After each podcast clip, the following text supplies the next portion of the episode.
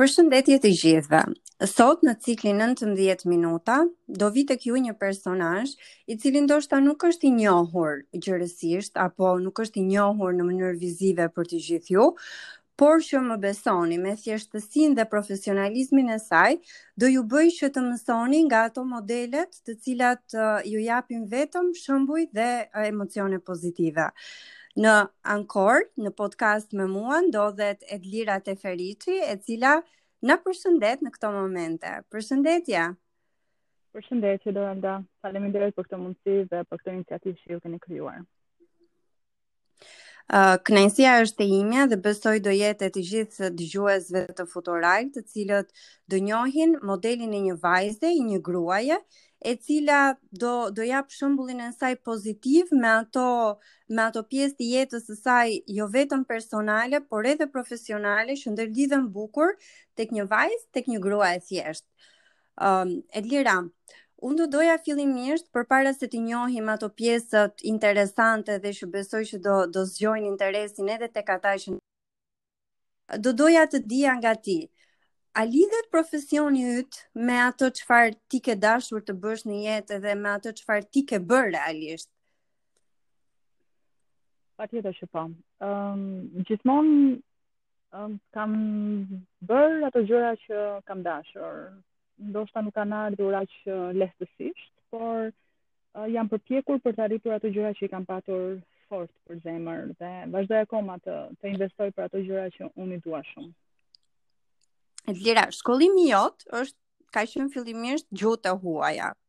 Dhe më pas ke kaluar po aq bukur te gazetaria, uh, si si ndodhi si ndodhi ky kalim? Domethënë, cila ishte dëshira jote, pra çfarë të shtyti ty që të shkosh drejt një profesioni të ri edhe dinamik për kohën? Kalimet ndoshta kanë qenë kanë ardhur natyrshëm. Unë e vërtet kam jam diplomuar fillimisht në shkollën e mesme të gjuhëve të huaja në Tiranë, dega frëngjisht. Më pas vazhdova dhe fakultetin, ku u diplomova për gjuhësi dhe civilizim francez.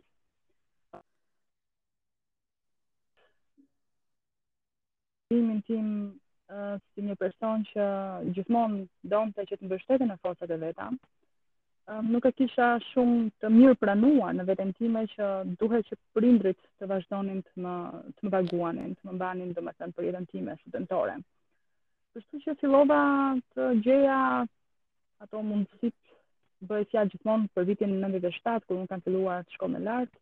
Në kohë mundësinë e parë për punësim të pjesshëm, kam patur në vitin 98, ku kam filluar fillimisht uh, me përkthime, honorare në gazetën Republika në atë kohë.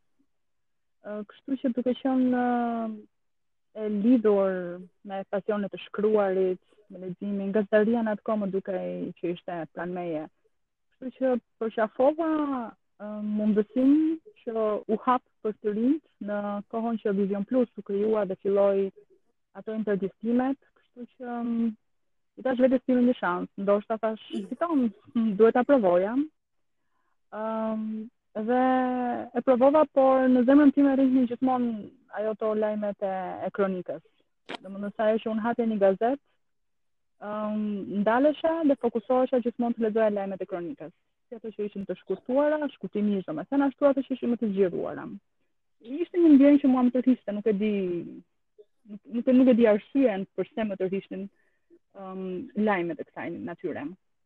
Kështu që dhe në intervistën që pata për punësim në, në Vizion Plus në atë kohë, um, mbetën të habitur intervistuesit e mi Roland Zili dhe Agim Baçi, kur i shpreha dëshirën që do doja të mbuloja kronikën Kështu që ishte A pritej nga një vajzë ky reagim që unë dua të të të të jem pjesë e kronikës? Domethënë si shihej në atë kohë një një kërkesë e tillë. Kjo gjë i habiti dhe ata, sepse këtë më thanë që zakonisht vajzat duan gjërat e lehta ato anët sociale, ato shkrimet sociale, gazetari sociale. Ti po na shkon tek kronika I thashë, nuk e di, unë sa herë hap gazetën thashë ndalem vetëm tek lajmet e kronikës, kështu që mm, nuk e di arsyen, por do të doja do të të kontribuoja të të, të më jepej si mundësi. Ë, uh, dhe kështu që e nisa me gazetarinë e terrenit. Mm. Shumë e bukur, shumë emocione. Por uh, e pamundur për kohën sepse uh, unë vazhdoja ende studimet. Unë kam qenë një studente shumë e mirë dhe nuk doja që të humbisja nuk nuk nuk më bëheshin dot të mundura të dyja, kështu që m'u dha një mundësi dhe në atë kohë unë kalova në gazetarinë e shkruar dhe isha në vitin e katërt të, të studimeve në shkollën e lartë kur uh, iu bashkëlidha gazetës uh, Zëri i Popullit në atë kohë dhe aty mbuloja kronikën. Ah, Edlira, kjo ka qenë faza e parë kur ti ke ke filluar të kuptosh edhe veten, besoj edhe gjërat që ti ke dashur më tepër të bësh. Pra, duke kaluar nga fakulteti i gjuhëve të huaja, tek gazetaria, tek kronika, pra disa gjëra që vijnë dhe shtohen me kohën edhe disa kërkesa që rriten tek vetja. Po unë përpara se të kalojmë tek eksperiencat e tjera do doja të të bëja një pyetje, që vazhdimisht jua bëj të ftuarve, sepse dua që edhe ata të rinj që na dëgjojnë të të mësojnë nga këto shembuj dhe ndoshta ta shohin tek vetja me me kriticizëm këtë pjesën që pyesim gjithmonë sa është rroga. A ke bërë ti punë vullnetare? Uh, patjetër, punë vullnetare, por me të gjitha punët që unë kam patur, asnjëherë s'kam pyetur se sa do të paguhesha. Ndoshta kjo është mund të duket pak qesharake, por Uh, në të vërtetë asnjëherë nuk kam pyetur se sa do të jetë rroga, sepse bëhet fjalë uh, për vende pune që nuk është se kalonin në ato filtra që kishte kontrata të mirëqena ose institucione që funksionon le të themi më së miri që ti dije sa ishte paga apo sa ishin honoraret e tua. Uh, dhe kur njerëzit merrnin vesh që kisha kaluar nga një punë në një punë tjetër gjithmonë pyesnin, domethënë do paguhesh më mirë këtu dhe thoja jo më pak nuk e di fare sa kam pagën. Uh, sepse unë mendoja gjithmonë që uh, eks, domethënë eksperienca do të sillte ëm um, para, kërkoja që të fitoja një eksperiencë. Pra, edhe në punët vullnetare që kam bërë, kërkoja që të kisha një eksperiencë, sepse më mbrapa do të vilja frutet, le të themi të, të asaj çka unë do investoja në të. E kuptoj. Pra, ti nxit të rinjt besoj nga kjo që po thuaj që të kontribuojnë tek vetja jo nëpërmjet sasisë së të ardhurave që ata mund të marrin, po asaj që ata mund të nxënë. Edlira, unë në fakt jam kurioze dhe për eksperiencën tënde në polici. do do, do ta ndash pak me ne këtë gjë? Um, patjetër. Uh, Erdi një kalim i natyrshëm, um, unë u bëra pjesë e organizatës policore në fundmars të vitit 2004. Um, kalova dhe aty testime, mm, madje në atë kohë munda dy meshkuj, le të themi, dy burra, brenda profesionit, qenë dy kolegë të nderuar në që vazhdo të kem akoma marrëdhënie shumë të mira, por që ishin kandidatura për pozicionin e hapur. Um, unë kam filluar si eksperiencën time në polici si zëdhënëse e drejtorit të përgjithshëm të kohës në vitin 2004. Mm -hmm. Dhe kur unë ia bëj me dije kryeredaktorit të gazetës Erion Braçe dhe i themi që unë nuk mund të qëndroj më në këtë pozicion pune kur kisha kaluar tashmë 4 vite, uh, më pyeti i habitur dhe mendoi që mos po më disha në një ofertë financiare ndoshta të mos largohesha, por i them që unë do të kaloj në Ministrinë e Brendshme në këtë detyrë dhe më thot, uh, Ministri pas ka ditu këtë gjetë. Vetëm kaq më thot. Ndoshta ishte një inkurajim? Besoj që po. uh, një mbështetje. që unë të, të vazhdoja të jepja maksimumin tim edhe aty ku shkova. Në një pozicion i hapur për herë të parë në, në vitin 2004, në sfida të, paprit, të domethënë të, të nga më të ndryshmet. Mëdha të po të kesh parasysh futesh në një organizatë që është më shumë uh, le të themi jo vetëm në Shqipëri por kudo në botë është më shumë me le të këtë doja në fakt të, të pyesja si është të punosh në në një ambient i cili uh, gjithkohës domethënë edhe në ditët e sotme është cilësuar si mashkullor. Pra, a është e vështirë të punosh në profesione të cilësuara si mashkullore, pra shoqëria i, i ka cilësuar, i ka ndarë në, në këtë mënyrë? Um, sfida ka kudo, jo vetëm në, në, në polici. Um, përgjithësisht, gjatë rrugëtimit tim, uh, kam patur kolegë të cilët më kanë mirëpritur, domethënë, dikush që nuk vinte as nga arsimimi as një background mm -hmm. policor, që nuk kishin njohur në bankat e të njëjtës shkollë, të themi, por ka patur dhe nga ata ndoshta pak më në moshë që më kanë parë me atë syrin që madje njëri prej tyre në javën time të parë të punës, um, edhe më takon dhe më tha, ti ajo zëdhënësja tha që s'besoj se do e kesh të gjatë pa mm -hmm. shkollë policore. Domethënë, ka patur nga më të ndryshmet, por sot um, pas një eksperience rreth 16 vite në policinë e shtetit shqiptar, unë them që um, ishte një eksperiencë e bukur dhe ata kolegë meshkuj uh, ditën të më mirëprisnin, të më mbështesnin, jo vetëm mua, por uh, organizata policore është më mendjehapur, besoj. sepse vetë prurjet ndoshta që kanë qenë të ndryshme apo të larmishme uh, kanë sjellë dhe dhe një tjetër uh, qasje dhe një tjetër um, imazh. E kuptoj. Me kohën gjithçka ndryshon dhe njeriu edhe shoqëria edhe institucionet mundohen që të bëhen edhe më gjithëpërfshirëse dhe kjo besoj është shumë pozitive edhe për Shqipërinë. Edlir, unë e di që ti je edhe një mbrojtëse e të drejtave të grave. Pra, e lobon për ato dhe nuk e bër pak në fakt. Çfarë do më thuash për këtë pjesë tënden? Um, të drejtave të grave dhe le të themi ata uh, persona që ose mbrojtësit aktivistët e të drejtave të njeriut dhe veçanërisht të drejtave grave Pothuajse kanë të njëjtin pasion në zemër, jo vetëm në Shqipëri, po pothuaj në gjithë botën. Përpiqen gjithmonë që t'i japin zë uh, atyre grav, vajzave dhe grave të cilat nuk kanë zë.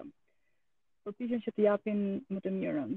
Ndoshta eksperienca dhe jeta e tyre u ka sjellë që të jenë në kushte të tjera dhe nuk do donin që vetën e tyre ta shikonin të papërfshirë në, në ato që për tak, në sfida të tjera që përcakton gjinia nga nga e cila ato bëjnë pjesë.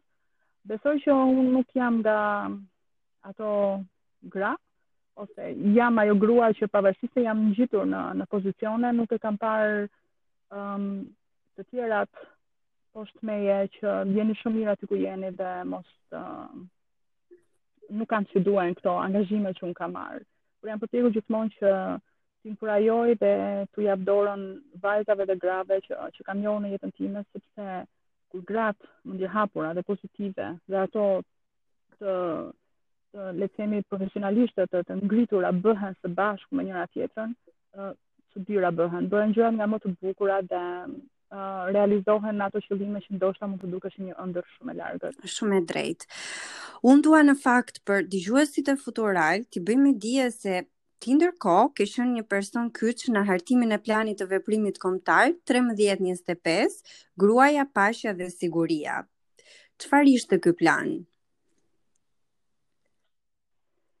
Uh, ky plan ishte një um, mungesë që ishte në legjislacionin shqiptar që sa herë që duhet të raportonim um, në në sistemin e agjencive ndërkombëtare, Shqipëria nuk e kishte një një angazhim të tillë që do të konkretizonte ishte një plan që konkretizonte gjithë ato veprime uh, dhe angazhime që ndoshta në përditshmërinë tonë ne i bënim për të fuqizuar gratë në, në organizatat e sigurisë, në organizmat e sigurisë, por gjithashtu dhe për t'i ngritur në pozicione drejtuese. Uh, ishte një plan i cili do të vinte konkretisht pikat mbi i për sfida dhe aktivitete ose produkte që duheshin arritur nga institucionet e sigurisë për sa i përket çështjeve gjinore.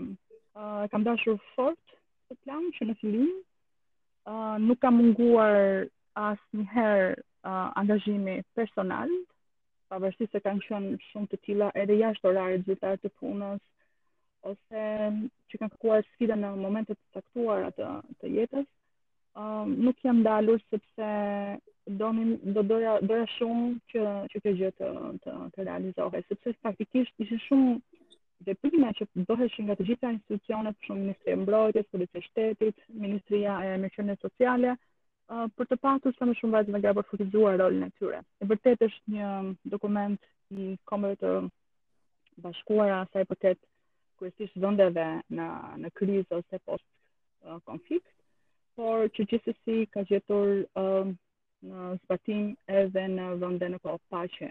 Kështu që duhej që Shqipëria ta kishte një të tillë sepse um, po bënte në atë kohë dhe vazhdon të bëjë akoma um, përpjekje pa fund për të fuqizuar rolin uh, e vajzave dhe të grave, kështu që përse jo të jepim zë asaj pune që institucionet bënin secili të pavarur në mënyrë të pavarur, po edhe së bashku mes tyre.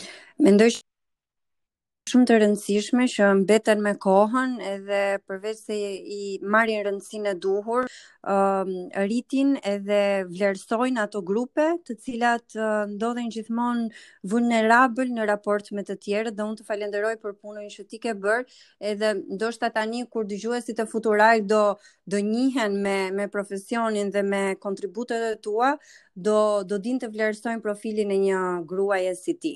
Megjithatë unë mendoj që nuk ke shpëtuar pa çmime, Edlira. Domethënë i gjithë i gjithë ky mund edhe të gjitha këto përpjekje dhe gjithë ajo punë, besoj që është konkretizuar diku. A ke ti diçka të preferuar tënden, pra, a ke ti një çmim që të uh, të ka bërë të ndihesh mirë një vlerësim i tillë? Um, unë jam një person që skuqem kur duhet të flas për veten time dhe edhe tani që që po po ne nuk e shohim ne vetëm të dëgjojmë kështu që um, um, unë nuk di ta shes veten time me fjalë por di ta shes me vepra dhe çmimet kombëtare dhe ato ndërkombëtare me të cilat um, unë jam nderuar, um, nuk i kam parë si arritje apo trofe të Lirës, por um, kanë ardhur së bashku me mundin, uh, bashkëpunimin, uh, djersën e derdhur nga kolegë të gjithë së bashku.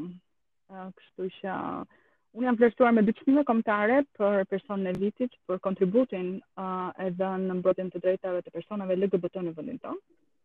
Mm -hmm. Dhe gjithashtu në vitin 2016 jam vlerësuar nga Shoqata Ndërkombëtare e Grave Police me çmimin ndërkombëtar të mentorimit.